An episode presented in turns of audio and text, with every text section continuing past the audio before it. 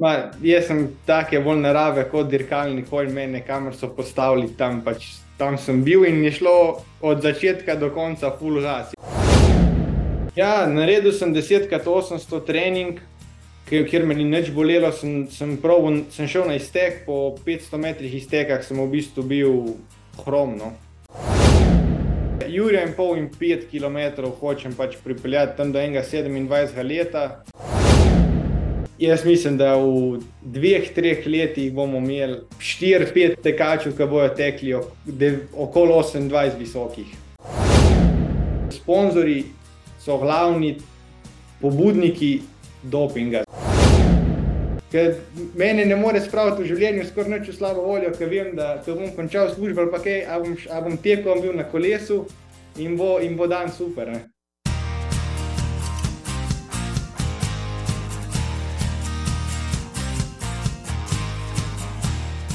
Spoštovana publika, dobro jutro je danes, kam se selimo, v Bovec z mano je, nihče drug kot Tobi Gabrček, Tobi, živijo, dobro jutro. Pozdravljen, Marko. Zgodna ura, ja. Um, sicer v naših krajih pravijo rana ura mladih fantov, grob, ampak mi dva sva uh, bova proti temu delala zdaj, le ti si našpičen že, kje sem te staknil. Uh, jaz sem, če ne vsak dan budem že ob šestih, tako da ni, ni problema. Tako da bolj, bolj zgodaj, ko se dan začne, boljši je. Sicer moje klasično vprašanje je, da si danes že tekel, najbrž ne bo dobilo pozitivnega odgovora ali pač. Ne, ne, ne bo dobilo pozitivnega odgovora. boš pa šel, gotovo boš šel danes. Danes imam, če ne v planu, kolo, tako da uh, bom šel s kolesom malo, Tako da ponovadi v sobotah je malo bolj umirjen dan, uh, da se pripravimo na nedeljo. V nedeljo še prideva, povej mi, ko so se imela za, za, za uh, uro snemanja, si rekel, čim bolj zgodaj, zato ker vam pol uh, id za na vodo, vam pelate rafte, to delaš tudi občasno ali kako? Ja, če ne delam v športni trgovini, tukaj v Bovcu, uh, ja, če ne pa tudi uh, s kombijem, pač prevažam uh, raftarje z ene točke na, na drugo točko. Ja. Z njimi ne greš nikoli, ja? ali po soči? Uh, ne, mislim, da drug teden gremo enkrat, da vidimo, mislim, za provat. Vse sem bil že, sem bil že doskrat na raftu, uh, se pa pravim čim bolj izogibati naše soče in Eh, njene temperature. No. Se pravi, ti, ti ne sedi ta poletna osvežitev, pa tistih 20 stopinj manj, kot ima običajna voda. A? Ja, je, soče ima zdaj 13 stopinj, tako da Vredo, je. Mah topla, bi kdo rekel. Ja, ja, ja ni, ni tako mrzla. Ne. Samo dan na dan uh, vem, da za moje noge ni njih najboljša stvar. Uh, Zanimivo, marsikdo mi bo prisegal na, na, na svoje zdravje in to življenje, da je mrzla voda rešitev za njegovo regeneracijo. In tako naprej. Ti praviš, da pri tebi pa veliko tečeš, ni čisto tako. Ja, po mojem, zdaj učinek mrzle vode, ne, recimo, je okoli 7 minut. Ne. Zdaj na raftingu si ti uro 45, ne dejansko na, na vodi. Sej nisi, nisi skozi moker, je pa si pa vseeno dolg cajt v stiku v bistvu z, z dokaj mrzlo vodo. Ne. Zdaj ta krioterapija, zdaj neki do, neke študije so, ne, tako da zna, bomo videli zdaj čez kako leto, ko bomo pogruntali kako stvar več o tem.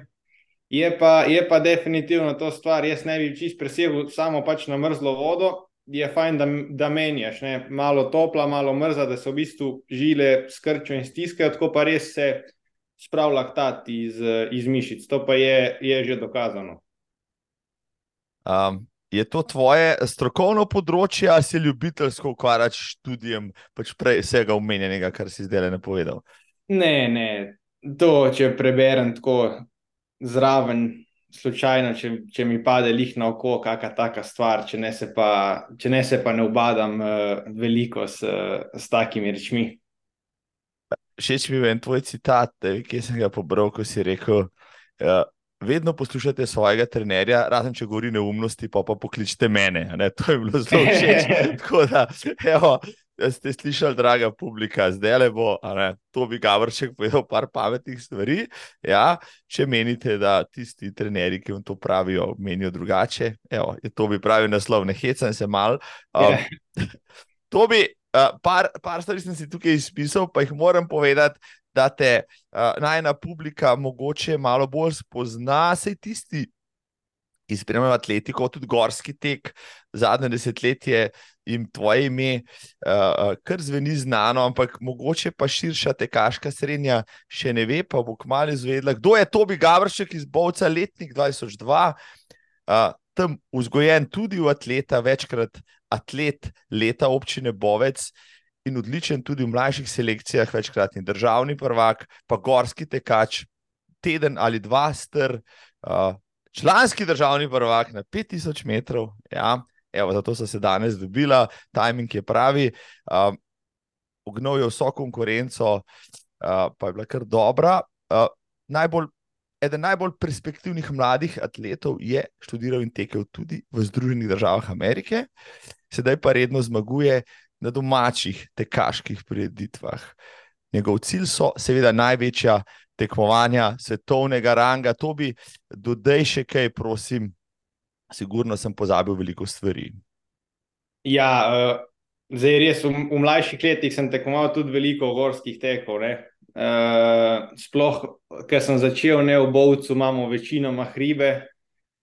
Tako da sem, smo bili v bistvu že takoj, ne, na Grintovc, pa Ratitovec. To, tako, tako sem jaz začel ne, uh, z gorskimi. Da mi povejo, jaz sem okay, tudi tekel malo gorske teke, tam konc 90-ih, vse lušte in tako naprej.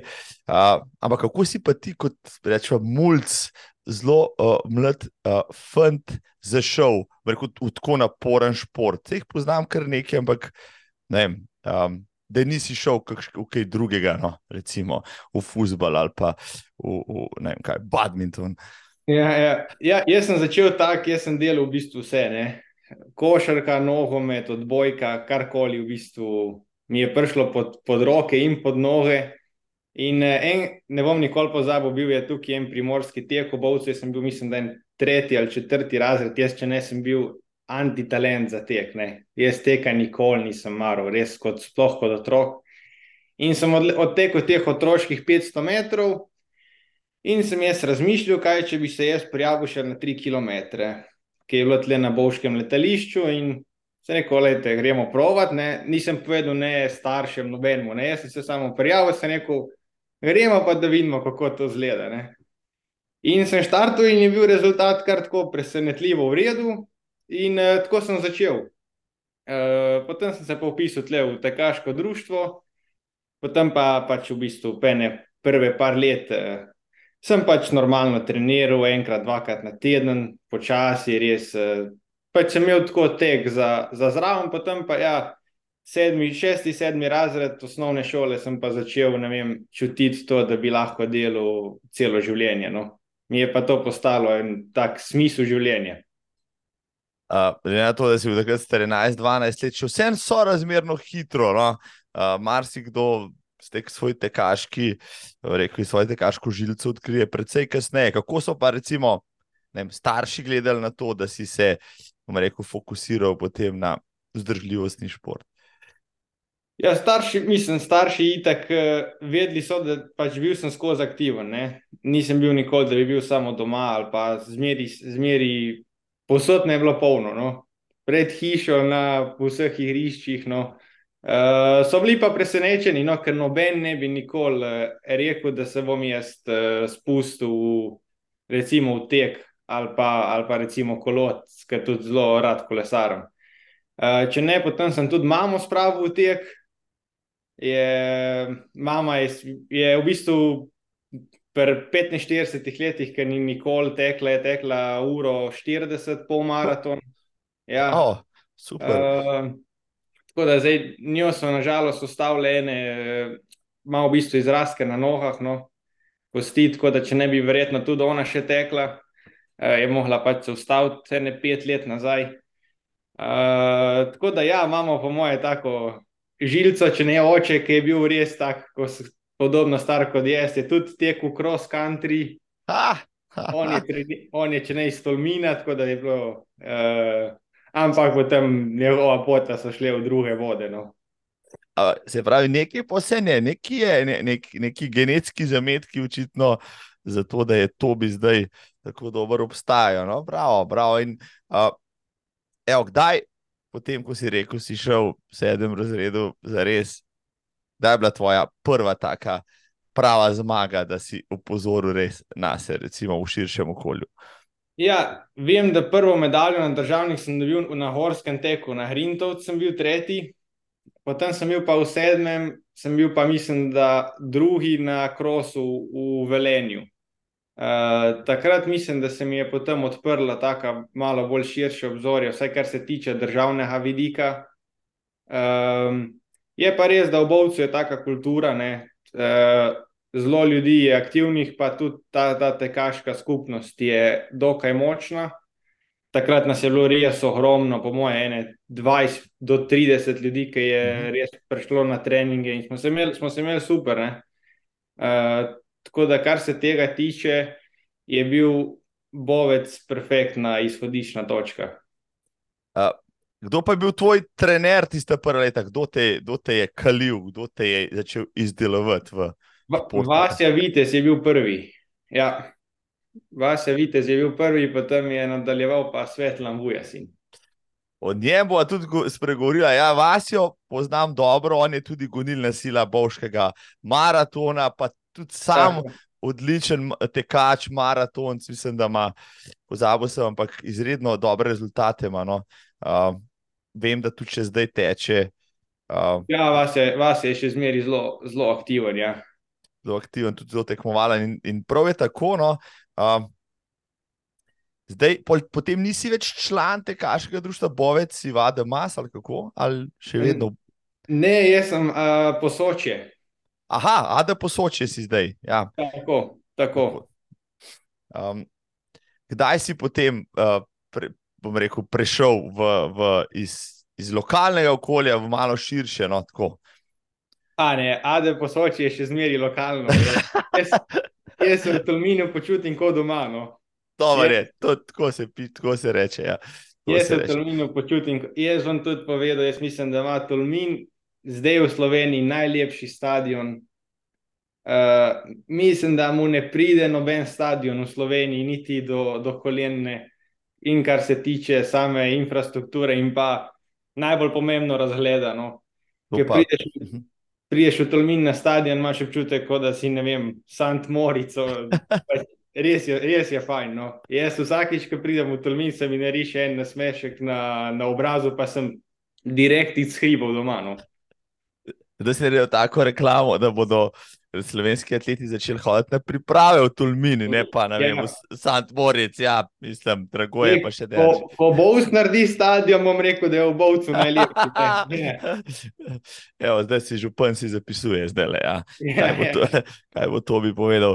Um, tekle Grintovce, zdaj ga ni več, no tam si bil uh, kar nekajkrat. Uh, ste vi tekli do vrha ali pa to tista samo do polovičke, do, do, do sedla? Mislim, ja, mislim, da je bilo, je bilo dva ure in pol nekaj tacga. Uh, zdaj ne vem točno, koliko smo prišli, vem pa, da te sajt je eno leto je bil en tak zelo hud mraz. Se spomnim, da v bistvu spodaj je bilo, ne vem, ali 20 stopinj so prišli na vrh, je bilo ene par stopinj. Uh, tako da testo leto je bilo tako, ja, zanimivo. Ne, nismo šli pa nikoli do čist, čist do, do vrha, ne. Pa ti je bilo všeč teč tu klanec, ti je bil to, rekel, jaz poznam cel kup tekačev, ki so v mladih letih začeli grist klanc, pa so mu stali zvesti in bi bilo to pač tisto, kar jih je gnalo. Um, ti si potem šel, bom rekel, nazaj na ravnino, na stezo in tako naprej, ampak vsem, kot mlad, mla, mladič, mladec, so ti bili všeč grizenje kolen, pa, pa, pa dihanje skozi ušesa, skoraj da, ko greš v klanc. Ma, jaz sem take bolj narave kot dirkalni konj, mene kamor so postavili tam, pač, tam sem bil in je šlo od začetka do konca full gas. Jaz se jih nisem sekiral, mi je nekaj všeč ali ne. Jaz sem pač štartil na 100 posto in potem tako ko je šlo skozi. Je pa res, da ne vem, spomnim se, recimo v Podbrdu je po moje klan cene 17% proti vrhu. Sem tudi jaz včasih pomislil, da je to meni treba ali ne. So, so, so kar hudi napori. No. Uh, kdo te je pa potem, recimo, je bilo to organsko preusmeril, ajde, to bi zdaj pa na stezo, pa boš malo srednje proge drgnil. Ne, mislim, da mi, se, mi smo bili v bistvu kot en hibrid. Mi smo imeli in gorske, in uh, po, ponovadi v pripravljalnem delu smo bili zmeri vsi, na, smo vsi tekli v gorske teke. Potem, ko je pač prišel, prišla ta mislim, sezona, ki je bil bolj stadion, smo tudi začeli trenirati samo po ravnini. Ne. Ampak je bilo tako, zmeri je bil miks, uh, miks obeh, uh, kar se je meni zdelo super. No, tudi razbiješ malo to monotonost vsakdanjega teka. No. Lance še vključuješ v svoje treninge, sedaj, ko si uh, rekel, seasoned runner na stezi. Ja, ponavadi nisem zdaj klance, da bi rekel, da bi tekel eno uro v klanc, ne, ponavadi je to 20-200 uh, z jogom nazaj, bolj hitro. No. Tako da to, mislim, je trening, ki res pomaga in, in pri hitrosti, in pri moči. Če ne pa veliko, veliko klancov s kolesom, na vršič, mangard in tako. Mislim, tole kolo poslušam že pri marsikaterem vrhunskem atletu, da ga vključuje uh, v trening. Uh, to, ta, ti, to kolo tudi trener priporoča, ali je to bolj tvoja afiniteta, tvoja želja, pa potem nekako skombiniraš na lahke dneve ali kaj takega. Ma ne, tudi kak težek eh, trening naredim s kolesom. No. Eh, če ne, eh, Vujo je bil na začetku malo proti temu, zdaj se je malo že sprijaznil, se mi zdi, zdaj, že, zdaj na koncu že malo podpira. Mislim, Vujo ta skrbi, da me ne bo kak avto bolj povozil, kot kaj drugega. Pošteno. Ja. Ja. Je pa, je pa čist, je pa v bistvu drug, drug, drug šport, je pa tako zelo več cajta si zunaj, zelo večja aerobna moč pride do tega. Ne? In uh, ne vem, če polno kaj gremo tukaj s fanti, pa naredimo 100-120 km, pa vmes zmiksaš malo tega FTP treninga, pa par intervalov ali pa sprintu in dejansko čutiš, recimo, preteku eno. Eno, tako da imaš eno predstavo, več in pa noge niso tako utrujene skozi, ne? ker ni, ni tega nabijanja. Nabijanja v tla. Ja, ja. Um, se omenjaš, fante, imaš se prav tam tudi uh, sredino, s, katerimo, s katero lahko skupaj treniraš, ti je kdo dorasel, da si lahko s tem pomagaš. Ja, v teku ne, v teku ne, ampak v kolesu pa, v kolesu pa. Imamo, imamo tudi take, ne vem, 40-letnike, ki mi včasih pokažejo, kar. Ali pa pogledam stravo, pa se malo vprašam, ali je to normalno ali ni. Eh, so, so, so dobri. No. To tudi kolesarijo že celo življenje in uh, samo kapo dol, lahko rečemo. No.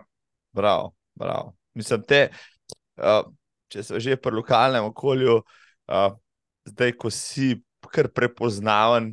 Rekel, tudi širše. Tako je drugače, gledajo lokalci kot uspešnega atleta, oziroma rekel, tudi tisti, s katerimi si gor rastel. Ali si pač Tobi kot Tobi, ki prevaža rafte, pa dela v trgovini in tako naprej. Ne, malo, malo lahko čutiš, ne? malo zihar lahko. Uh, je pa jaz se pravim čim bolj truditi, da ostaneš res na tleh, ker zelo, mislim, veliko, veliko ljudi mislijo, da nekaj dosežejo, potem da v bistvu so neki več od ostalih. Jaz tega zelo, zelo ne maram. Jaz pravim biti čim bolj čim bolj umirjen, skozi res noben, nobenih bahaških stvari. No. Pravim pač živeti eno svoje življenje, provati pomagati ostalim in to je to. No. Nobene, je, je pa pač čutiš, ne sploh pri otrocih, ne, da gledajo na tebe v eni taki drugačni luči. No. Si kdaj razmišljal, da boš potem, ko boš, uh, bom rekel, pa starejši tudi, tudi trener, ki še mlajši selekcija, ali pa nasploh, da boš to, glede na to, kar si mi zdaj povedal, imaš kar široko znanje, te to zanima, ga znaš tudi podajati. Ja, imel sem, imel sem tukaj v Bovcu, sem imel skupino, ene par mesecev. Uh, lahko rečem, da sem bil izjemno ponosen na njih. Uh, ena taka zvezda. Jaz mislim, da boš imel ga kmalo na podkastu, po mojem, bo Matijas Mlekuš, tega bom, po, pišem. po mojem, bo, piši, piši. Bo, bo po mojem, ena ta, en tak, uh, z Matijem so začeli nazaj so, sodelovati, so bili malo spori v klubu. No. Glede tega je pa tekel pri 15 letih v celovcu na v hudem mrazu 17-40 petkov. Tako da je velik potencial, če bo to tako peljal naprej, bo, uh, bo lahko prevzel moje mesto, pa bo bil on najhitrejši volčan. Novi Tobi, ampak Tobi, ja, še ni rekel zadnje besede, še ne začel se je. Povej mi, povej mi kdaj, kdaj te je izvohal potem svetlen vujas in pa potegnil pod svoje okrilje? Praktično, rekel, skoraj da ni atleta v Sloveniji, ki se ne bi vsaj malo srečal s tem legendarnim trenerjem. Ampak mene zanima, kdaj si se ti prišel v stik z njim, pa začel trenirati pri njem. Jaz v bistvu vujo, uh, vujo ni prišel nič k meni, sem prišel jaz k vujo tu. No. Mi okay. smo bili takrat uh, atleti, ki so bili pri njemu, smo, so me skozi, skozi so me pridi vujo tu, bomo bili skupaj. Ne. In sem šel en dan, ne, sem šel do vujota. Vujo ima eno tako posebno energijo. To, on je tak eh, človek, ki čuti tek, ima en tak svoj temperament, ki ga jaz kot človek obožujem. Uh, in meni je bilo takoj super z Vujotom. Tudi Vujo zna biti oster in vse, ampak je, je, je mehka duša. No? Tako da jaz, jaz ga imam izjemno rad, jaz upam, da, da bo z nami še puhno, puhno cajta. Uh, in upam, da ostane tako, kot je, ker meni je super. No? Ja, kdo pozna Svetlana Uja, si ne ve, da je zelo zanimiv karakter. Ja, to, kot si rekel, ne. lahko je velik kolerik, lahko je glasen, lahko je skoraj da že, ne, mal preveč, lahko je pa tudi zelo umirjen, pa zelo prijazen sogovornik. Je pa poznavalec vsega skupaj. Um, s kom treniraš zdaj tam, kdo je v ekipi pod Vujotom, s, s kom si skupaj na treningih? Uh, ponavadi prvujo tu, zdaj sem itak v Bovcu, tako da pridem kak trening v Ljubljano, če ne smo pa uh, jaz, sedej Tine, on je bolj 800 metrov, Jurij in pol, pa David. Tako da zdaj ima vujo, mislim, da tudi ene par punčk ima, so bolj na horskih tekih. Je taka mičkana skupina, zdaj mislim, da sta tudi povezana z Lenartom Dejanom.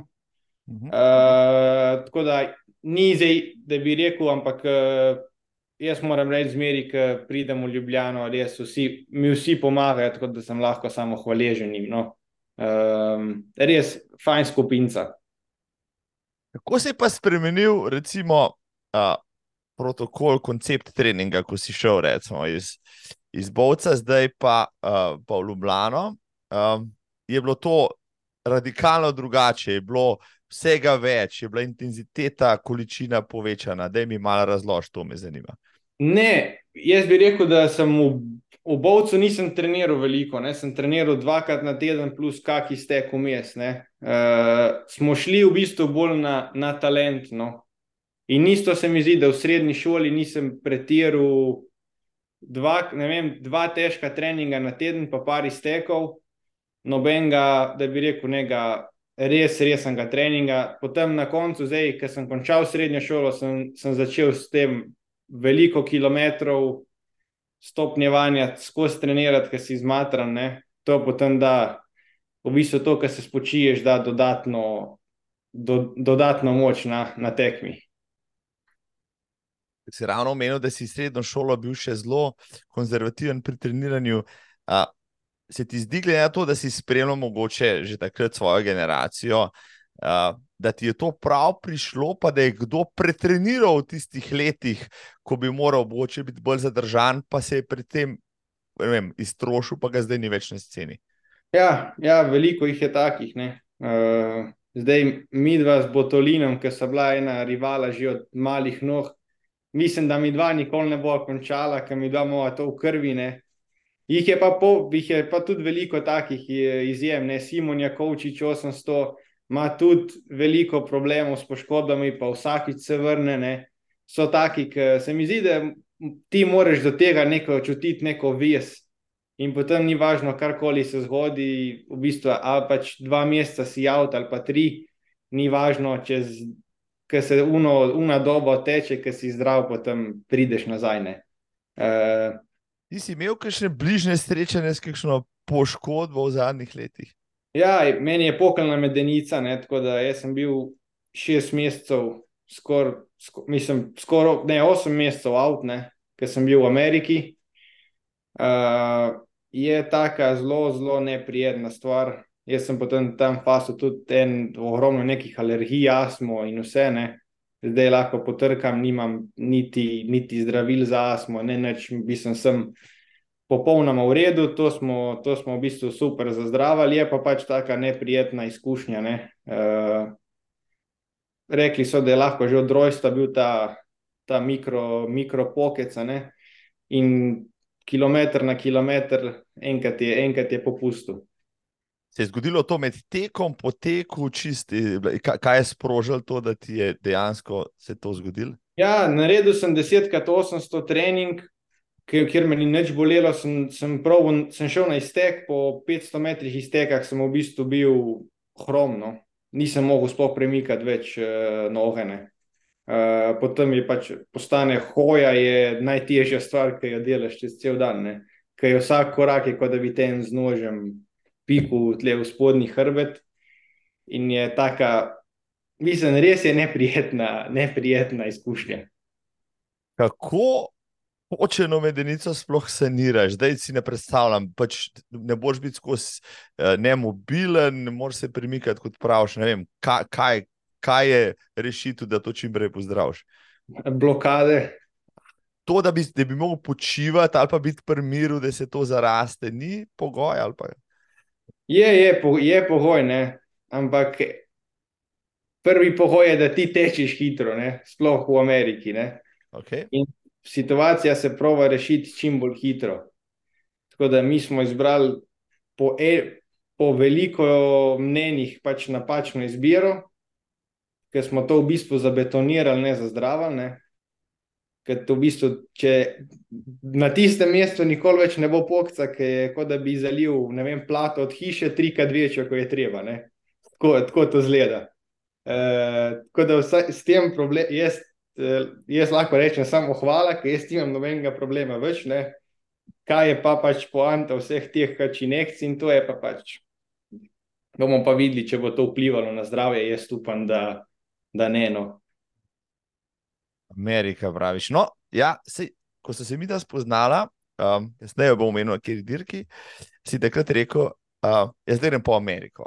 In to me je zelo intrigiralo, ne? pa sem tudi druge sprašal, pa niso veliko vedeli o tem.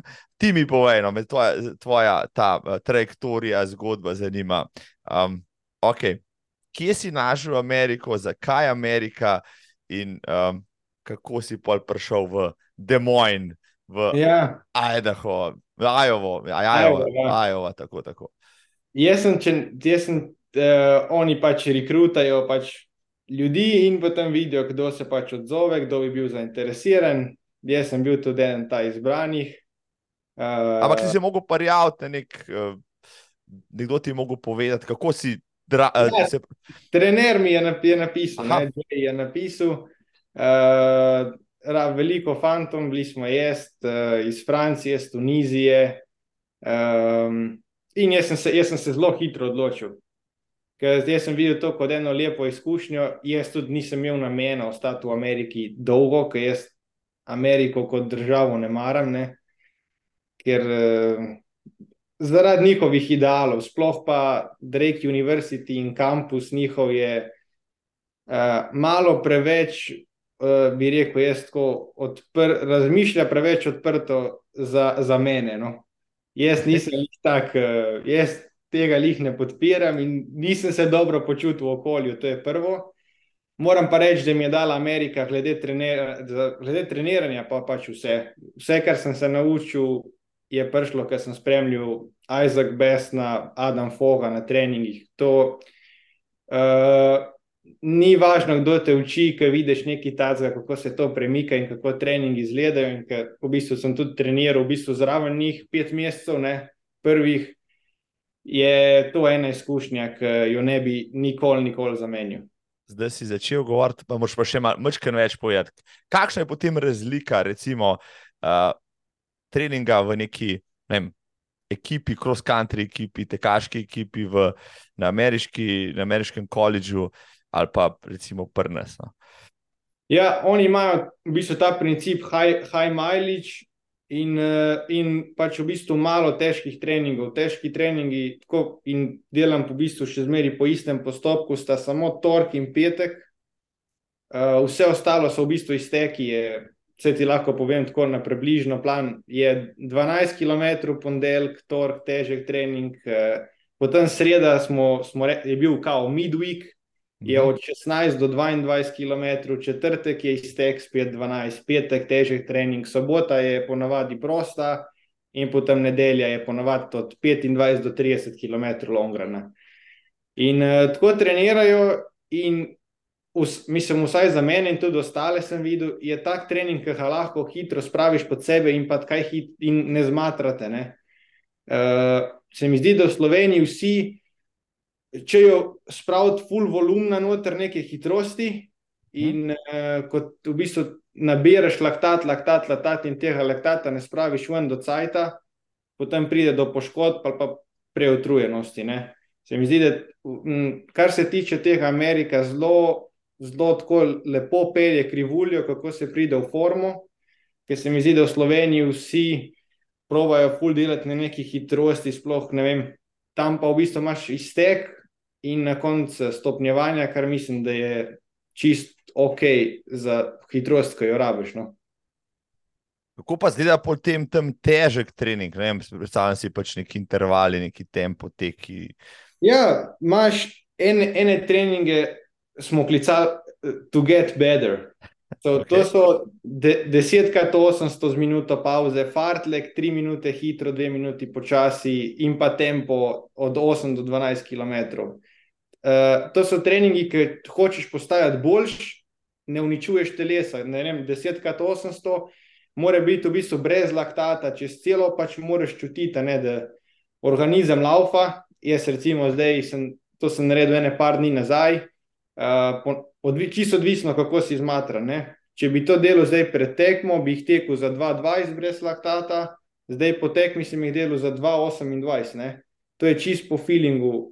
-huh. kako se počutiš na, na, na, na dan. Ne? In je pač 10-800, ni zdaj bi rekel, nek zelo pretežek trening, dobiš pa zihar, zelo volumna in pa kratka pauza je.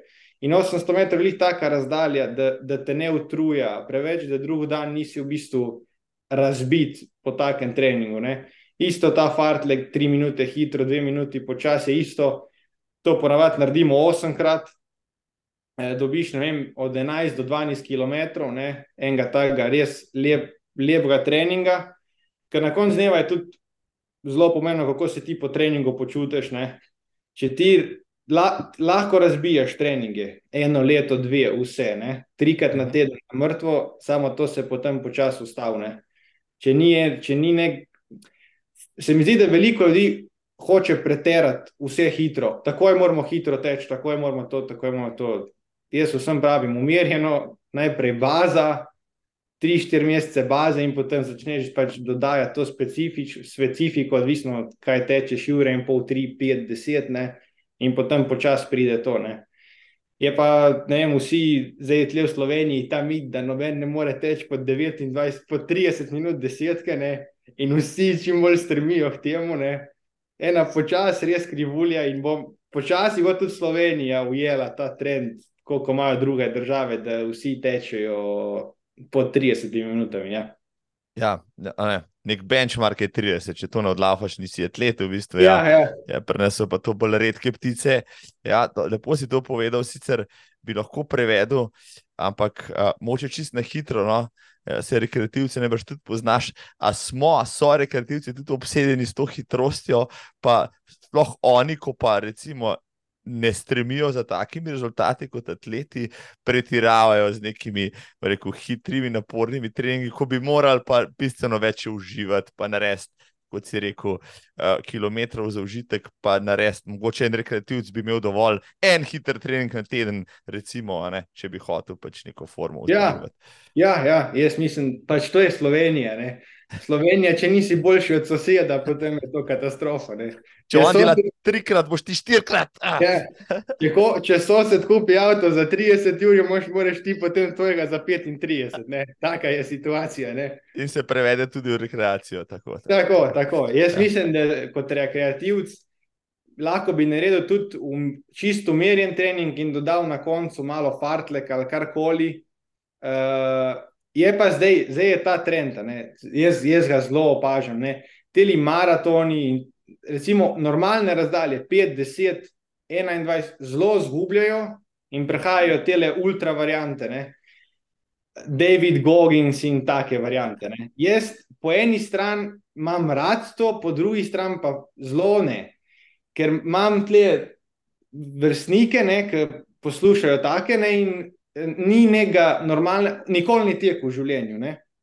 Človek, v bistvu je pre, presedel pol življenja uh mhm. -huh. in, in potem gre ven teč 20 km, zato ker je rekel David Goggins, da moraš biti beast mode. In potem 10 dni niti hoditi ne more. Ne? In to je ta problem. Če bi on lepo začel prvi dan 3 km ali pa 2, pa malo hoje, pa teka. Ne?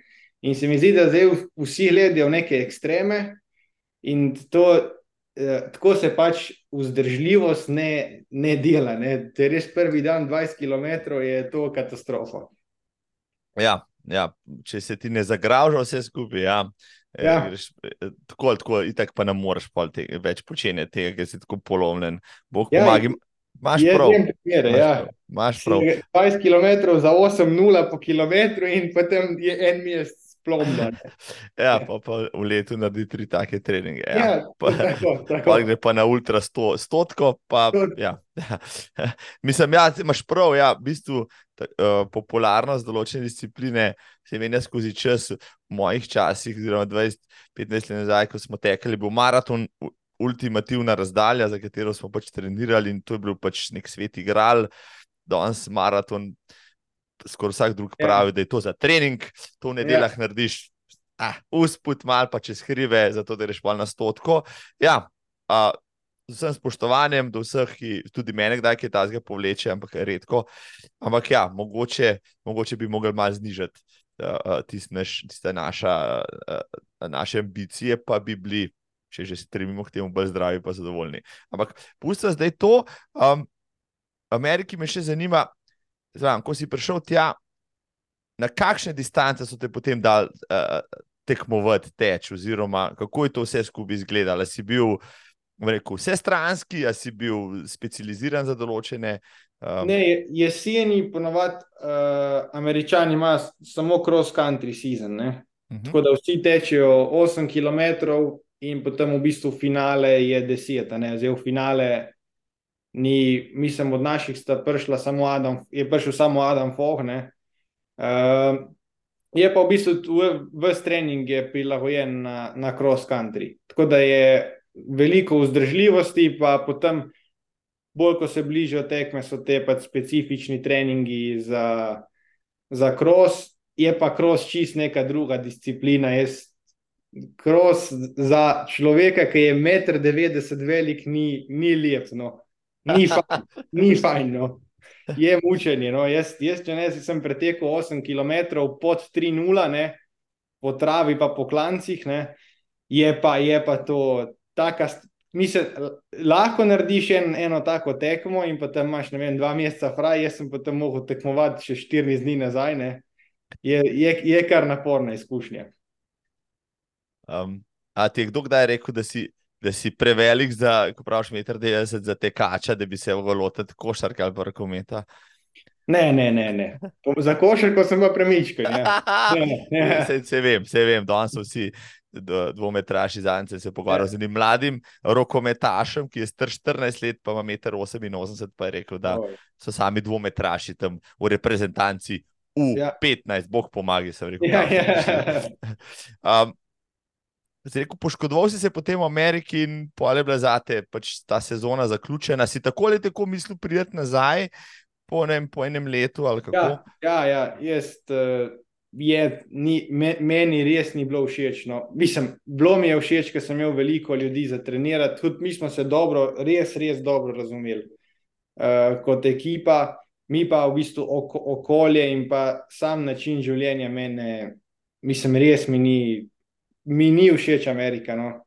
Jaz ne bi, ne bi nikoli zamenil Slovenije ali pa ali sploh pa Bovcane. No. No, to je lepo, lepo slišati. Ja. Um, sicer pa, ja, ko prideš tja v neko novo okolje, glede na to, da si med fanti, ki počnejo iste stvari, to ti pa ni bila težava, recimo se vključiti v neko ekipo. Pa... Ne, to, to je najlepši del, ker si v bistvu sam, ker skozi treniraš sam in prideš in je v bistvu poleg tebe polno ljudi in pa takih ljudi, ki tečejo 3-35 ur in pol, je to, kar je na. Máš občutek, da je tudi tvoja forma, kar naenkrat zrase, nekaj si pač v prisotnosti takih velikanov. Prav, prav, 3-35, ja. To, to, ja. to bi pa. Ja, marsikdo plačal za to. Ja. Zdaj, preden si šel v Ameriko, si že tekel na stezi, je tako, si se že preizkušal v srednjih progah. Ja, ja, ja, ja. Jure in pol do pet, no, je bila ta moja ekspertiza. Zdaj, uh, ali vem, vsak mlad atlet pač mora da to skozi, vem, te srednje proge, pet ur, ali, ali si, si se ti že bolj zgodaj, potem raje usmeril na daljše. Ne vem, katera je tvoja disciplina, recimo ta trenutek. Ja, jaz bi rekel, pet km imam do enega, po moje, Jurija in pol in pet km hočem pač pripeljati tam do enega 27 leta, da v bistvu razvijem čim večjo hitrost in pa hitrostno vzdržljivost, da ko prešaltam na pol maraton in potem eventualno na maraton, uh, da ta v bistvu hitrost ostane od zadaj. Ker če, te, če tega nimaš, je potem maraton hitro zelo problem. Laufat, ne, ker vidimo vsi najboljši maratonci, prahajajo iz tega ozadja. Juri je pol pet ali pa deset, in potem, ko se grejo na maraton, je, je v bistvu vsi tečejo hitro. Ne. In so zelo lepi, ki pčoge, fara, zdaj imamo ta levi, kanadčan, je Gelen Rab, v bistvu vsi, vsi prihajajo iz tega ozadja, iz steze, potem na, na cesto. Ja, recimo Mitja Krevs je, recimo, je en tak, Evo, ja, tako je isto. Ja, ja. Ja, ki je na 1500 dominiral nekaj časa, pa potem pre, prehendal na daljše razdalje. Čeprav pravi, da maraton ni njegova najljubša disciplina, zdaj, ne, da se boš počutil na krajših. Um, kam pa, recimo, kakšen čas imaš recimo, zdaj na 1500, evo, kako, kako nizko si ga zdaj spravil? 1500 sem tekel, v, po moje, ene tri leta nazaj, sem tekel 356 v celju. Uh, in od takrat nisem tekel več 1500, razen, razen na treningu. No. Tekel sem pa 3 km, ne, lažjem v dvorani smo tekli. Ja. Sem tekel 3,57, ampak smo, je bila taktična. Uh, tako da verjetno, mislim, po, po formi, ki jo imam zdaj, mislim, da po 3,50 ne bi smel biti problem. Ja, zdaj počasi boš mogel pomagati, gotovo te mika, ja, da bi se pomeril s temi fanti. Pa... Bom, bom, bom. 2. september imam že na koledarju, eh, cihlariča, tako da to, to se bom pripravil. Ja. No, da, da, da vidimo, kaj si naredil zdaj v tem času, glede na to, da ja, um, si pred kratkim na 5000 pač odtrgal, in si fanti niso mogli slediti.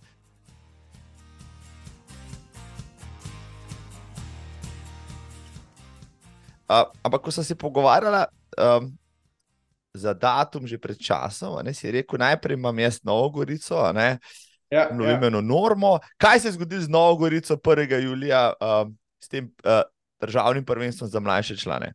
Ja, zgodilo se je to, da sem šel v bistvu v nedeljo, sem šel s kolesom in me je ujel en zelo neprijeten dež. Uh, v soboto sem bil pa v Ljubljani na treningu. In sem, sem imel pa klimo nastavljeno kar visoko. In jaz sem v ponedeljek zjutraj imel že 40 vročine. Ah. Uh, in sem, sem bil res do srede zelo, zelo, zelo hudo bolan. Uh, tudi nisem, nisem se šel niti testirati za COVID ali pa nekaj. Mi je bilo jasno, da verjetno zaradi kolesa, ki me je prepihalo, pa že prejšnji dan klima in do, v bistvu do četrtka in v sredo sem mogel potem še delati, ker je, je bilo malo gužve in sem bil res v bistvu cel teden slab. V bistvu, en teden pred državnim članstvom v bistvu nisem naredil niti enega treninga. Tako da sem cel, cel teden sem presedel in me je bilo tudi zadržavno malo strah, uh, kakšna bo situacija. Tako da prvi, prvi stek sem naredil šele v soboto. No. Um, tako da v bistvu sem šel na to državno, tako uh, 80-odstotni, sem rekel, kar bo bo. Uh, Najedel sem malo 200, par dni prej in se rekel, zdaj lahko samo čakamo, kaj se bo zgodilo. Um, ampak v Gorici si pa imel neke plane, ne? nekaj še postavljati. Ja. Ja. ja, imel sem eh, plan normo za mlajše člansko Evropsko. Po treningih sem videl, da okoli 14 minut uh, sem bil pripravljen. Ne? Pa tudi zdaj na članskem vem, da bi lahko tekel zihar 14-20, če, uh, če bi bilo če, treba, pa če bi bil boljši. Ja. Če bi bilo treba. Ja. Uh, je, je pa res, da sem čutil, da nisem, nisem ta prav. Ne, 14 dni pred tekmo sem delal izteke, pa stopnjevanje, to je bilo to. Um, ja, jaz sem si pa šel pogledat norme, ko si rekel, da reš na. na uh, Uh, iskati to normo za U23, Evropsko 1358 je bila postavljena kar, kar visoko. No? To bi bil že kar ja. rezultat, ki ja. je bil spoštovan, vreden v vseh kategorijah v Sloveniji. No? Uh, in praviš, da, bi, da si tam nekje tudi pripravljen zdaj. Ja, takrat, sem, takrat sem naredil v bistvu ta prediction, kao trening, sem naredil šestkrat Jurija za 2,44, 90 sekund pauze, tako da sem vedel, da sem v teli coni. Uh, vedel sem, da moram zelo bolj hitro tudi trening narediti, ker v bistvu sam je zelo, zelo, zelo težji to, v bistvu sploh petko odlaufati, ker to je, mislim, da je 2,47 ritem po kilometru. Te Jurije sem delal za 2,44, 2,45. Tako da vedel sem, da da sem v tem, eh, da sem v, mhm, mhm. v okviru. No. Uh, tako da sem bil popolnoma pripravljen, dokler pač uh, nis, nisem zbolel, no, zjutraj sem se zbudil, sem klical zdravnika in, in je šlo vse po vodi. No. A ti je bilo kaj žal, ali glede na to, da si, mislim, da si v nepiku forme, pa da je. Hm. Ma, Nikoli se nisem sekiral, mislim, tudi prej se nisem sekiral, če je šlo kaj narobe, sem rekel, naredil sem vse, kar, je, kar sem lahko. Uh, pač tako se je zgodilo, sem rekel, zdaj pač treba je pač dati na stran in potem sem rekel, prova čim bolj priti uh, spočiti in pač umirjen na, na člansko. Ker, če se vrš sekiral, tekma je šla mimo tako ali tako. Ne. Ja, v bistvu se mi dva zdaj ne bi smela pogovarjati, ker bi bil ti na finskem, ja, ja čakajoč ja, ja, ja. in se ugrejal ja. za svoj jutrišnji nastop na 5000. Spremljaš ja. kaj uh, v 23. Evropsko prvenstvo, kar zanimivo je? Ja, sem, spremljam. Ja. Tam črni voj, vem, da je bil šesti. Uh -huh. uh, tako da njega poznam zato, ker je stolmina, sva zelo prijatelja. Ja. Tako da ja, spremljam. Veronika Sadek, isto super. Ja. Uh, sem skokar, kar lahko, ker je tudi turne. Da, preveč ja, stvari, preveč stvari. Jaz preveč sem, stvari je na kupu. Ja. Jaz sem, jaz sem na hiter pogledal 5000 za moške, ja 13:35, da bo na koncu zmagoviti čas, kar hitro za belega angleža. Um, a je zmagal v Higgs? Ko je Higgs, ja. Videl sem angliško zastavo, sem videl, pa 13:35 je bilo napisano. Tako da, evo, to je kar čas, ki ga boš lahko lovil v naslednjih letih, recimo ja, ja. pa v članskih. Čakamo še pač ženske, nekaj imamo dve predstavnici, Lizo Šajn, pa Špelo, ja. Gonza, obe, obe boste tekli danes, um, ko to snemamo. No, um, Danes, ko to snemamo, pa je tudi še ena dirka, ne, rekreativna, v bistvu v Zagrebu na Jarunu. Uh, Aha, njihova ja, ja. nočna desetka, no, dve leti nazaj so se mi, da so se najne poti tam srečale. Um, takrat je bilo po koronska izvedba, je bila zelo, še, bom rekel, ne množično zasedena, kljub vsemu. Si ti takrat tekel nevrjetnih 30-55, za sicer dokaj ravni progi, ampak vseeno izjemen, izjemen rezultat za 19-letnika.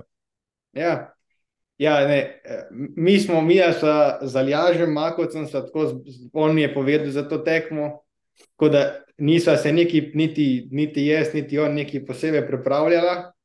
Uh, in sva, sva, sva šla na to tekmo tako, za, za počitnice v Zagreb. Uh, tako da v bistvu sva bila sva v Zagrebu tri dni, prvi dan sva, sva imela bolj športno, drugi dan sva tekmovala, in potem sva še zadnji dan ostala, in potem sva, sva šla domov. No. Je bila pa taka fajn tekma. No. sicer je bila trda tema, ne pol proge, eh, pa, pa ostri. So ja. parno bilo za popiti, ja. pa ostri ovinki so bili. Pa ostri ovinki, ja, ja. Ma ne, ampak je bilo fajn, je bilo fajn. Uh, ja, jaz se spomnim, smo tam tekli, ta prvi, ta prvi pač tisti dodatek ob, ob uh, kanalu, pa obračali pol nazaj. Uh, mi smo bili tam zadnji, uh, mislim, da smo bili dva ali tri z nekim tempom, 40 na km, ko smo na, gledali, kako z obrata prihajate, vidite, hitri. Jaz vidim enega dolgega tekača z dolgimi koraki, ki drvi proti meni. Ne? Pa sem rekel, kdo je ta človek? No, v cilju, yeah. potem so mi povedali, da je to Tobi iz, iz Bovca, ki je tekel pod 31. In vem, če bi bila ta proga certificirana, bi bil to takrat državni rekord za, za mladince. Ja, sem, na začetku smo, sem tudi mislil, da je, da je certifikat, zato ker je par let prej je bil. Uh, ali celo eno leto pred tem tekom je pa bil. Pa progo neki spremenjali. Ja. Ja, ja. da, mislim, da na koncu je bil ja, 30, 52, ali nekaj takega je bil čas. Ja. Tako da ni, mislim, ni bilo, ni bilo v nobenem pogledu slabo. No. Uh, jaz tudi nisem, nisem, nisem v, v temi, pa samo motor pred tabo, nisem vedel, ne, kam grem, nekako zgleda. Pač sem šel samo, koliko je šlo, je šlo in to je to. Ne. V bistvu ste nisi imel praktično nobenega za sabo, to je bil čisti solo tek. Ja. Ja, ja, ja, ja. Je, je pa zelo lepo ob jezeru, res je pa, to je pa, je pa super. No. Je, videl sem napovednik za letos, pa cel kup slovencev so zvabili tja dol, uh, mislim, da so muleja povlekli tja če sem prav videl, pa, pa, pa um, še nekaj deklet, prav veseli so očitno slovencev, ki so hitri tekači in oplemenitijo to konkurenco. Ne, si dobo ti kakšno nagrado takrat, si zmagal? Uh, maja, te, te ja, praktične nagrade smo, smo dobili. Ja. Je, ma, ampak meni te nagrade mi nič ne pomenijo. Mene, če, če je lepo vzdušje na koncu, pa če, če so fajni organizatori, to premaga vsako nagrado, ni treba nobene velike, nobene velike nagrade. Um, Glede na to, da ti, ti, ti je šlo tako dobro, in da bi na 10.000 lahko takrat že podaril mladinski rekord. Pa sem šel gledati, koliko je mlajši članski rekord od Matije Rizmala. Mislim, da je na stezi 30-30 na cesti, pa 30-51. To bi pa lahko zdaj počasi ti, pač, uh, ti povral pa se je zapisal v knjige, rekordne, med rekorde uh, v 23. Ja, ne. Uh, jaz mislim, da to tudi v konicah, ki ne bo tako hitra proga, mislim, da okoli 30-40 bo šlo. Uh, sicer na Ljubljanski maraton sem se jih dva dni nazaj prijavil na 21, tako da bomo provali loviti to mejo pod 65 minut, ne, okoli rekorda proge. Tako da sem plan je, plan je bil spisan tako, da uh, bi prišel v bistvu avgusta tečen Kransko-Horsko desetko, potem pa 2. september 1500, pa atletski pokal 5000, potem slovenske konice 10 in potem končamo sezono z 21. Da si vsa tvoja konkurenca zapisala, tvoj koledar. Ja, se, tako da zdaj veste, uh, za razliko od vseh ostalih, to bi ne skriva, ki bo nastopil. Tako da evo, je samo zavesten in suveren, poznam marsikajšnjega slovenskega tekača, ok, bolj rekreativce priznam, malo boljše ki se nečejo prijaviti do zadnjega na kakšno tekmo, ker čakajo, kdo od konkurence se bo pojavil. in če kdo odpove, potem pride se pojaviti na štartu. No, ampak, evo, to bi nima teh težav, je povedal, ki bo. Ko si umenil ravno Kransko-Gorsko desetko, spomnim se ravno tiste sezone 2021. No, potem, potem sem vedel, že kdo si, prej te nisem poznal, pa sem te potem mačken uh, preveril, pa se je rekel, ok, mladenič, ki teče 30-50, tako le pri 19, glede na to, da se vsi v Sloveniji pogovarjamo, da imamo krizo na dolgih provah, ne? nekaj že ja. pomeni. No, potem si se pojavil na štartu Kransko-Gorske desetke in si deklasiral konkurenco na čelu s Primožem Kobetom, ki je bil takrat v kar zelo solidni, odlični formi. No? Kako je bilo pa tisto, recimo? Ne? Kako si pa tisto dojemal, ko si šel tja? Ja. Si, si menil, da bo Tisto je bilo še le, tisto je bilo tudi dovodivčina, ker sem, sem se cepil en dan prej, ne? za COVID, ker sem rabo imeti za Ameriko papirje. Uh, z tistim en, en, en šus, ki je bil Jensen, ali kako je bil. Jans, ja, ja, tako. Uh, so šla z očetom, mislim, nis, ni bi bilo, nisem bila neki hudo bolna, sva pa čutila oba, da jih ni, ni, ni bilo lih v redu. Ja. Tako da testa Kransko-Horska je tudi bila zgodba za sebe. Je pa fajn, ker Kransko-Hora je zelo blizu, no, tako da je tak tek, ki greš samo. Ali greš čez predil, pa si 45 minut tam, ali pa čez vršič in je si hitro v Kranjski gori. Ne. Je pa, ta, je pa Kranjska gora super. No. Jaz veliko krat grem s kolesom z Bovca na vršič, pa v Kranjsko goro, pa čez Korensko, tako da Kranjska gora je super. Ja. Sama dirka je kar zanimiva. No. Tečeš, rahlo se uspenjaš proti ratečem, obrneš, potem pa. Ja, potem pa gas. Ja. In vse čas pač nadziraš tudi rekel, svojo konkurenco. Kako, kako je tista tekma 21 potekala, da mi malo razložiš? Ja, mislim, da so šla prvih pet km res dokaj, dokaj umirjeno. Ker, mislim, da so imela veter v prsa, kar močen, pa klanc. Uh, potem so se obrnili, potem so vrteli pa takoj Juri 3-0. Potem pa je bilo takoj. Uh, potem pa vem, da Kobe je kar navijal, navijal, navijal. Vsak kilometr je šlo v bistvu hitrejši. Jaz, sem, jaz vem, da zadnji kilometr sem šel 2,45. Uh, zadnji kilometr je pač, so pač v bistvu, v bistvu so prišla isto, ker v bistvu imajo postavljene table vsak kilometr, potem je pa pač bil v bistvu ta podaljšan, podaljšan finiš do konca. Ampak tam si kar neki sekundci potem, ko bi tu dal, v, v finišu. Mislim, da je ja, 20 sekund neki, nek, neki ta zgaja. Jaz sem imel 31, 50, on pa 32, 10, nek, neki, neki ta zgaja. No, to je pa kar, pa kar zanimiva zmaga, no, da, da premagaš recimo, ta trenutek najboljšega dolgoprogaša ali pa maratonca. No. To so ti, se dobil kakšno vabilo potem na kakšno novo dirko. Ja, vse dobivam skozi, samo čas, časovnica mi ne, mi ne, mi ne gre skupaj ki bi lahko tekmoval vsak teden, dve tekmi, ne? ampak ni. ni ne znese, ne znese vse. Ne znese, ja. ja, ja. ja. Mislim, ja, zdaj boš mogel postaviti cenik, pet tisoč, tri ure. ja, ja, ja, ja. Komu v farah za ljubljanski maraton? recimo, ja, v farah je šel kamež v Gabon, recimo, laufat, uh, ja, ja, ja. pa bil vem, sedmi na koncu na deset ja. tisoč, ja. zato ker pač, ja, rab še malo denarja za penzijo. Očitno, ja. Je mo farah. Ja. je pač mo farah, ja se lahko proda. Um, kdo so tvoji, recimo, najhujši konkurenti ta trenutek v Sloveniji, koga bi naš, naštel nek ta krok, s katerimi se dajete, ne medved, rizmal. Ja, medved, rizmal, botolin, hafner, uh -huh. um, kobe, recimo. No, kdo pa misliš, da od te generacije, ne, ki ste po letu 2000 rojeni, ne, um, lahko ne, v naslednjih letih poruši morda celo državne rekorde na 5 ali pa 10 tisoč metrov. Sprašujem, da je zaradi tega, ker je pred kratkim uh, državni rekord na 10 tisoč metrov obhajal 40. obletnico, so imeli en mhm. tek na celskem kladevarju. Te, uh, rekord na 5 km, na 5000 metrov, je po, bo pa naslednje leto str okroglih 50. No, zdaj bi bil pa že čas, da je mogoče vaša generacija malo tole pogrize, pa vzame kakšne sekunde dol tem sicer izvrstnim časom.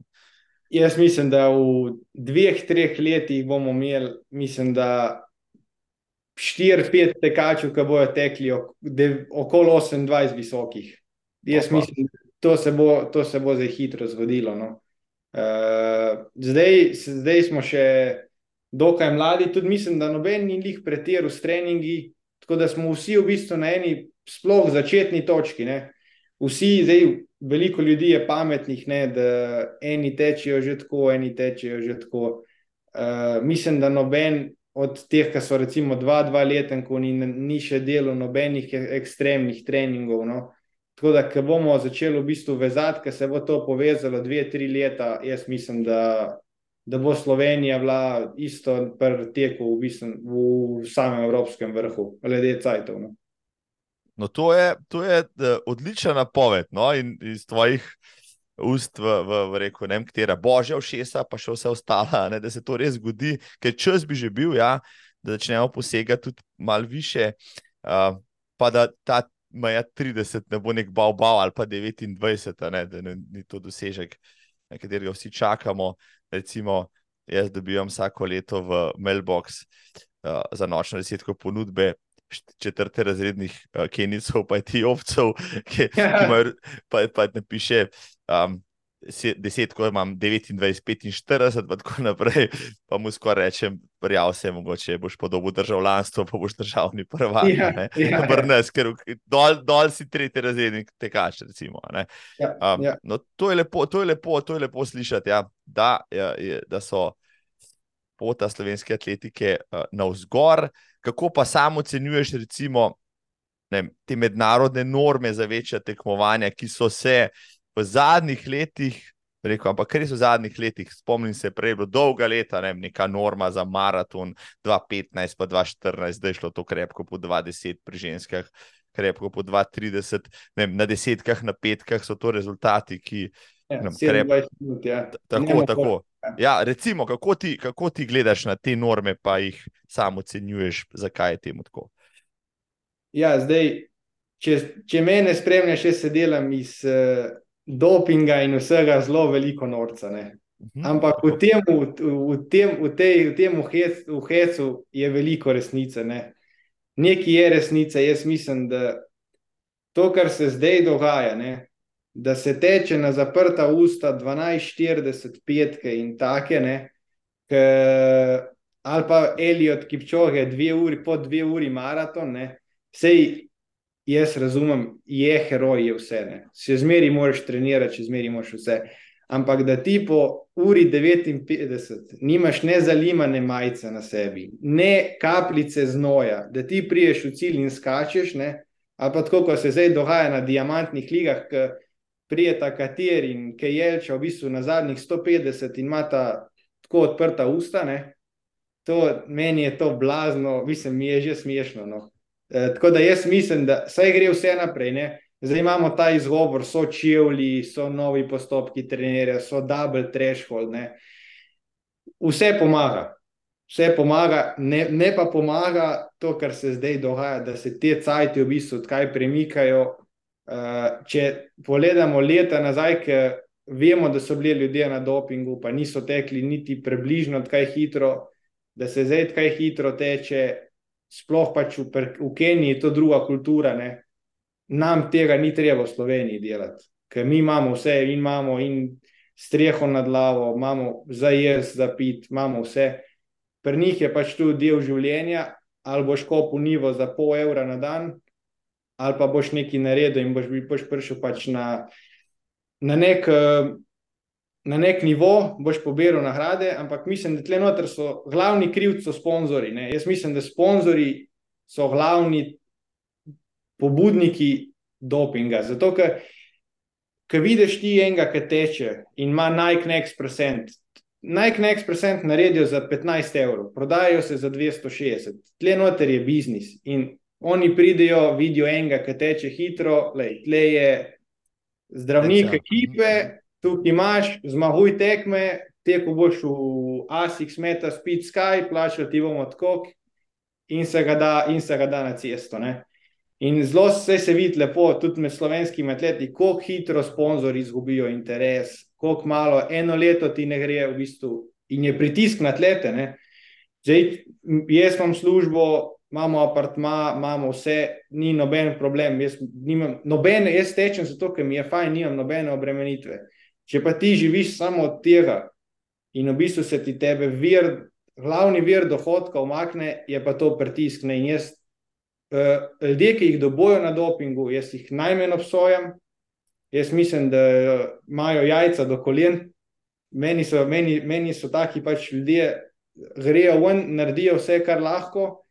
In meni, jaz nimam nič, tudi če bi tekmoval proti njim, da bi bili, in če bi me tudi, če bi me premagali, ne bi bil jezen, ne, če bi vedel, da to delijo, zato da, da lahko ima eno dostojno življenje. Ja, se, mi se veliko krat pogovarjamo o tej temi. Pa se reče, mi smo, ne, rojeni skoraj da srebrno žlico v ustih, če ne zlato. In ne znamo si predstavljati človeka, ki živi v totalni bedi in mu je to edina vstopnica, recimo, v neko približno normalno življenje. In verjamem, če bi jaz na njegovem mestu, da bi. Požrl vse, kar je možen, recimo, ja. tudi če bi bilo treba, zato, da bi ne, zaslužil tistih 500 evrov, ki mi pomeni recimo, razliko med tem, da imam bedno življenje, imam pa 10 krav, pa neko uh, normalno ja, eksistenco. Pro, problem je, jaz vidim, tle probleme, ki v bistvu najboljši to, to, to delajo in potem mora v bistvu cela skupina od zadati ljudi izvesti isto, da se v bistvu drži preključek. Ne. Povod je problem ne, tega, tega problema. Sej, če spremljaš časovnico, recimo, mislim, da je bilo 2009 Osaka, uh mhm. -huh. takrat je prišlo to zdravilo, ven kardarin, če poznaš v bistvu stimulator kardiovaskularnega sistema, mhm. zmanjšuje holesterol, bla, bla, bla. Potem so ugotovili, da je rakotvoren, ne, eh, ker so pač lobiji pritiskali, ne, v bistvu to zmanjšuje in telesno maščobo, in, in potem so pač predozirali miši do tega. Recimo, učinkovita doza za človeka je 10 mg. Ne. Mhm. Miši so dali 5 gramov, ne, kar bi to bilo 3 litre za človeka, ne, In potem so dobili rakove celice, ker pač v bistvu lobby, prehranski lobiji nočejo, da so ljudje suhi ne? in da se gibajo, hočejo, da čim več pojejo, da prije čim več denarja. Pač tako svet funkcionira. Ne? In uh, 2009 Osaka je, mislim, da 90% vseh, partici, vseh ki so participirali na svetovnem, je priznalo, da je malo kardarin. In, je, in potem. Prehranski dodatek, torej. Ja. In potem pač tu se ta časovnica premakne in potem dobi vada, ki se, se je malo, in potem ga vada prepove. In ta časovnica se premika, se vidiš. 1900, koliko je bilo 50, so prišli steroidi, so jih, jih prepovedali 1970, EPO, 1980 imamo prvi test, ne, prvi test 2002, 2000 smo testirali samo hematokrit. In v bistvu ta časovnica se premika. Zdaj, če pogledaš, če piše se ne nečne, zdaj je sintetični hemoglobin, ki je bil iznajden od njega Nemca 2016. Ne, vprašanje, kdaj bomo to pohruntali, 2030 bo prišel test za to. Medtem so pa vsi to že konzumirajo, dajo v žilo. Ja, ja. Sej, pač ta časovnica se premika in lahko pogledaš nekaj, uh, sploh tele um, modulatori no so. Zdaj imaš MK677, eh, je v bistvu hormon, ki se ti sprošča rasni v, možgana, v, pač v možganjih, je taka žleza. E, to isto nismo vedeli 10-15 let, ne sploh, e, kak je učink tega. In pač v bistvu zmeri se izum neki novega in potem se pač porunta. Včasih je bilo to vse bolj, bolj, bolj, bolj javno. No?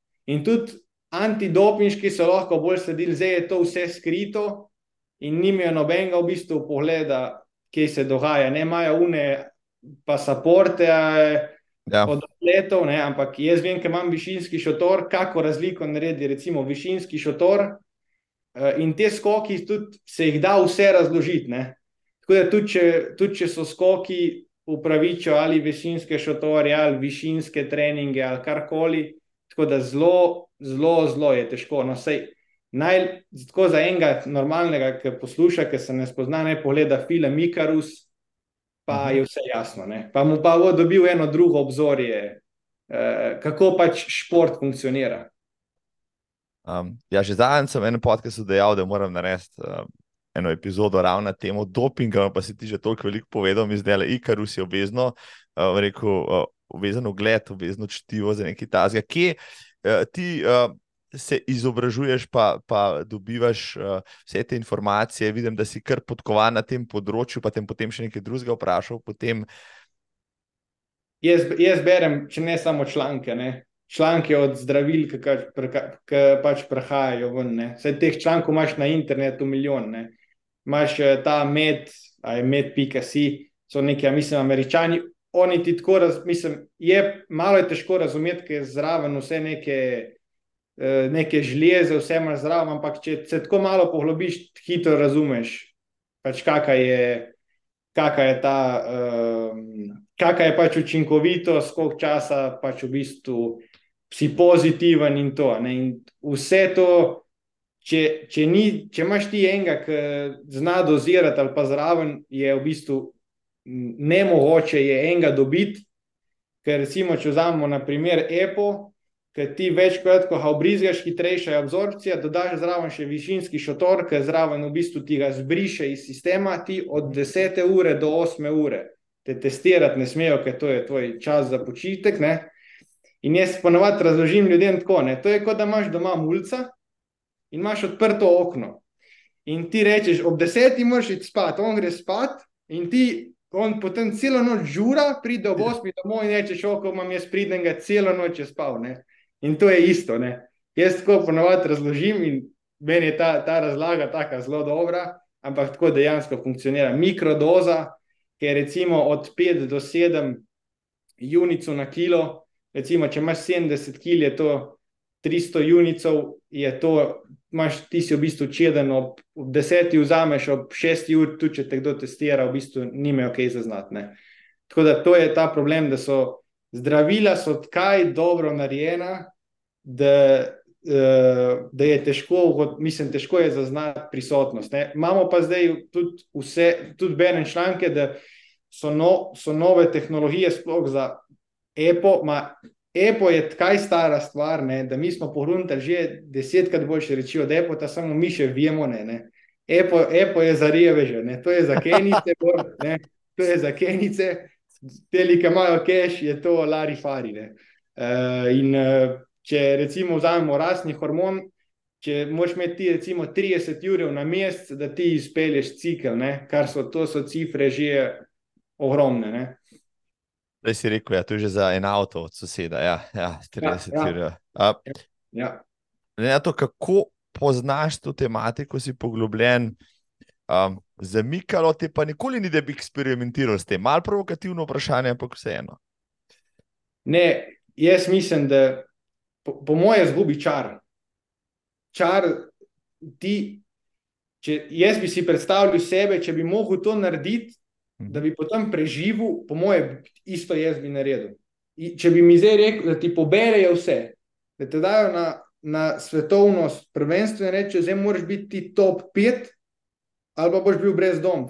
Jaz bi pojedel živega človeka, če bi bilo treba. Vse bi naredil. Uh, ampak tako pa, po moje, zgubi čar, ne, da, da vidiš. Da, mislim, mene bi pekla vest, da bi šel vem, na državno in bi bil da bi bil nadopingiran in bi videl ostale, ki so čisti, da tekmujejo proti meni. Mene bi, mene bi pojedla res. Uh, zelo meni bi me bolelo, če bi šel na svetovno uh mhm. -huh. in bi bil nadopingiran na kot zajec. Pa so tam. Da bi bili vsi ostali isto, ne? in je plain level field. Na, tako pa v Sloveniji ali pa na evropskem uniju, se, se mi zdi pa res uh, nepotrebno. No, nepotrebno. Se ti zdi, da je Eh, da ima vlada, pa pač vse lokalne antidopinške pač organizacije, da bijajo nek jalov boj pred tem, kar si prej rekel, itak je eh, farmacija, kemija, uh, tri korake od spredi. Um, Ko ne vada nekaj ugotovi, pa da na listu prepovedanih je večina že na nekem novem, neki novi substanci, je vse skupaj. Potrebujemo vado, no, tako, ali pa tako rečemo.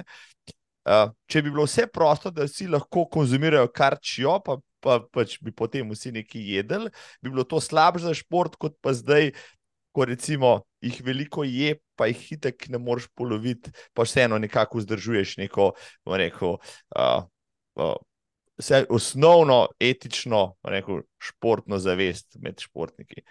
Ja, jaz mislim, da tukaj noter se sploh ne gre glede športa. Tukaj noter gre se zaradi denarja ti vidiš, ki pčoge podere dve uri maraton, kao no human is limited, vsi kupijo alfa fly. Uh, tako kot je bil tes rekord, uh, zdaj ne vem, kako je že bil, ki je tekel pol maraton, no svetovni rekord v Valenciji. Je bil Kiplimo, mislim. Ne, ja. E, un, A, en pred njim. Kip tega. Bil, ne, en, en, pred, en pred njim. Spomnim se, uh, no, 57-32, tako. Ja, tako ja, je, bil, ja. je bil ta. Uh, vse Adidas, copati, jih niso mogli prodati, so se vsi takoj prodali. Veš, to je, to je, jaz ne vidim to filozofijo. Atleti bi isto funkcionirali, svet bi drugače gledal na atlete, ki ne bi vedeli, kje je, kje ni. in v bistvu ne bi prišlo do tega, da zato, ker tle v bistvu je isto agresiven tek, agresivno kolesarstvo je vse, da to, da se naredi več denarja. Če vidiš ti Lance Armstrong, ki je vozil trek, so skočili v treke, trek prodaji za milijardo in pol. Ne? Isto je, isto je pri pr teku, ne? isto je zdaj Tour de France, vidimo Kolnago, pa, pa Trek, pa Giant, pa to in teska zmaga. Ta, pa, pač, tako, tako svet funkcionira, tako vidimo ostali, ki spremljamo šport, ne? da če en nekaj uporablja, potem vsi v bistvu gremo v bistvu pravimo ponoviti, kako mislimo, da je to najboljše, če to zmagovalec to ima. Ne? In mislim, da med športniki, bilo bi, ne vem, po moje, če bi bilo to vse odprto, imeli bi, po moje, tragične, tragične reči, ki ljudje, po moje, sploh če so tekmovalni, bi, po moje, šli na, na, na ekstreme. Ne? In po moje, ne bi bilo to ne bi bilo, ne bi bilo zdravo. Ne? Ker vemo, da recimo eposteroidi, to je smrtonosna kombinacija. Ne? Mhm. Epo ti strjuje celice, steroidi ti v bistvu povečujejo srce, ne? ker srce bolj tanke stene, ko ima boljše. Ne? Uh, steroidi ti širijo srce, tako da to so vse vidimo, recimo, bodybuilderji, kako umirajo, kot ko muhe. Uh, Pa nogometaši, pa ne vem, kdo še vse. Ja, tako, tako, tako, ja, tako da to je, to je taka pereča problematika. Jaz mislim, da bolj zaradi zdravja, ne zaradi pogleda, mislim, pogleda na športno. Ampak še vseeno, kaj pa te vseeno malo muči, ti pač v reku atlet, ki trenira, ki se vseeno uh, prizadeva za čim boljši rezultat, pa pride nekoč ali pa kmalo, ali pa že zdaj na neko večje tekmovanje, ker se je postavil vrsto z vem, deseterico, z par ducati tekačev, za katere ti je jasno, da jih vsaj nekaj pač, uh, kompromitiranih na dopingu. Ti bo šlo na jedra, ali pa ti gre na jedra, da, da pač na dolgi rok nimaš šans proti takim. Ma ne, ne. Ti, jaz, jaz vsakmo tudi, ki ga treniram, zmeri rečem. Uh, tekma je cajt, da, da pokažeš, kje si naredil med treningom. Priješ na tekmo, jaz prijem na tekmo, rečem, bom pustil vse na stadionu, vse bom pustil, in ko končam, se ne bom oziral nazaj in me ne bo sekiralo, ker vem sam pri sebi, da to, kar sem naredil, je bil moj maks in sem naredil vse, in se ne obremenjujem, kdo je za mano, kdo je pred mano. Važno je, da veš, da si ti naredil vse, kar je bilo v tvoji moči na, na določen dan. Če, če, če se boš z vsem obremenjavo, potem on ima tako opremo, on ima tega fizioterapeuta, on ima tega več, on ima unga več, a veš, potem rateš v enem krogu, ker strmiš samo, kjer ima boljše pohoje kot ti, da zaradi tega ti nisi dober. Tako da najbolj pomembno je, da greš ven, daš vse od sebe, končaš in, in potem imaš lep dan. Mislim, vsaj pri meni je tako, no iz, izvrstna filozofija. No, se, pravim, zanalaž sem te to vprašal, pa vidim, da si uh, za svojih 21 let zelo, uh, zelo zrel, pa imaš zelo zanimiv pogled na, na življenje, ker pa na atletiko nasplošno. To, to mi je zelo všeč. No, in vse, kar so govorili danes, mi je, mi je uh, pri srcu. Uh, spremljaš si rekel. Atletiko, najbrž spremljaš kolesarstvo, seveda boš najbrž tudi svetovno prvenstvo v atletiki v Budimpešti, Ja, čez en mesec. Ja, imaš kakšnega favorita, imaš kakšnega med svetovnimi atleti, ki ti je idol ali pa kaj posebej spremljaš, pa ti je posebej všeč? Ja, zmeri mi je bil idol Mo Farah. Uh, Skozi mi je bil. Ja. Ta njegov, ta njegov, mislim, meni je njegova samozavest. Ker sem gledal tekmo in sem vedel, da bo zmagal. Ne?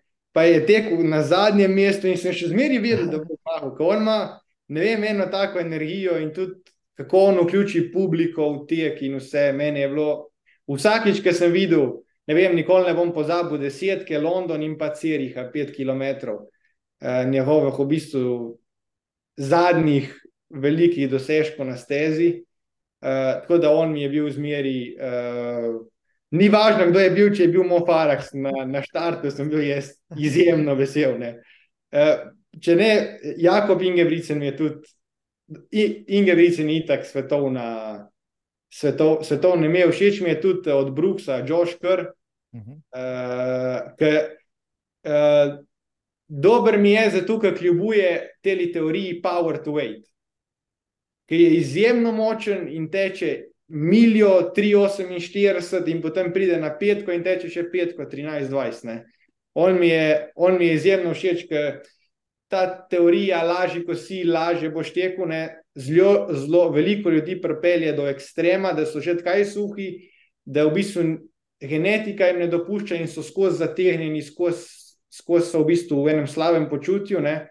ko v bistvu tvoja maščoba pade pod en nivo, ne moreš več normalno funkcionirati. Tako da je on mi je isto eden takih, ki zmeri. Tudi vem, tudi če je peti, deseti ali pa četrti na Juriju, in pol pa mi je še zmeri, mi ga je fajn videti. No. Praviš, da je problem z telesno težo, pa uh, motne hrane, niso problem samo ženskih atletov, ampak tudi moških. Ja, jaz mislim, da hitro lahko upadeš v ta krog. Gledaš, uh, v bistvu ljudje gledajo samo, koliko imaš kil, ne, kaj hitro boš šel. Ne. Jaz ne pravim, ta teorija v 70-80% drži. Ne. Lažji, ko si, lažje boš prenesel težo, ne višji, ko imaš power to weight, več moči, ko lahko ti na kilo daš ven, to se sploh na kolesu super vidi, mhm. boljše. Ne. Jaz vem, da ko dajem ven, ne vem, 4 vate na kilo ali pa 5 rata, že zelo, zelo težko. Ne? Če bi imel 5 kil menj, to zračuna še 25 matov menj. Hitro te obsede, ne? hitro te obsede. Uh, je, pa, je pa taka stvar, ne, da če pelješ to pri ženskah in menstruacija, se hormoni ugašajo, pri moških, lažje, ko si manj imaš, se ti testosteron ugaša. Ne? In lahko v bistvu tvoja telesna teža je lahko, imaš 72 kg, pa si 1,75 m, je to je najboljši power to weight. Ne? Tako da to moraš prav sam, sam po sebi, recimo jaz sem meter, skoraj 1,90 m, pa je moj najboljši power to weight, bi rekel 68, 69 kg. Pa vem, da če bi zategnil, bi lahko imel tudi 62 kg, da, bi bil, da bi bila samo še oči. Ne? Uh, pa zobe, pa še samo mogoče. Ja, ja. Ampak to je, to je to je, to, to je, mislim, da je to velik problem, ne, da ljudje pripeljajo do ekstrema. To. Jaz ne pravim, če treniraš, zdravo ješ in spiš, mislim, da ni treba nobenih eksperimentacij, nekih diet, pa to, pa eni vidiš, grejo na, na, na brez neč gliko ena. Ne. In se ne zaveda, koliko škode to naredi mišici. Ne. Ja, vsi smo malo eksperimentirali leti s tem, no pa potem ugotovili, da. Uh, da, da ne bodo kar vsi na low carbu zdaj zmagovali na maratonih, pa delali na maščobo, da je to delč od tega, ne? kar je optimalno ali pa sto zdravo. Ja, pa smo zdaj pa pametni. Kaj pa, se, kako se pa ti prehranjuješ, če se že prehrani? No? Uh, kaj je tvoja najljubša hrana ali pa najbolj pogosta? Ja, jaz sem tri, tri reči, ne? tri, tri, tri, tri v bistvu so v bistvu sadje in zelenjava, nekaj res pomagajo, če hočeš izboljšati recimo, stanje železa, karkoli. In to je blitva, suhe, suhe like marelice ali pa fige. In pa birut, juice, prah, Rdeč, od rdeče pese, prah. In to, recimo, jaz provam vsak dan, recimo zjutraj popijem malo tega rdeči. Je za noč, res je za noč. Jaz, jaz ki zmešam uno, jaz imam 10 sekund najhujšega dneva, v, mislim, trenutek dneva, ki tisto nagnem mislim, da bom bruhal vsaj še dvakrat. Uh, ampak to so take reči, ki so, so zdrave.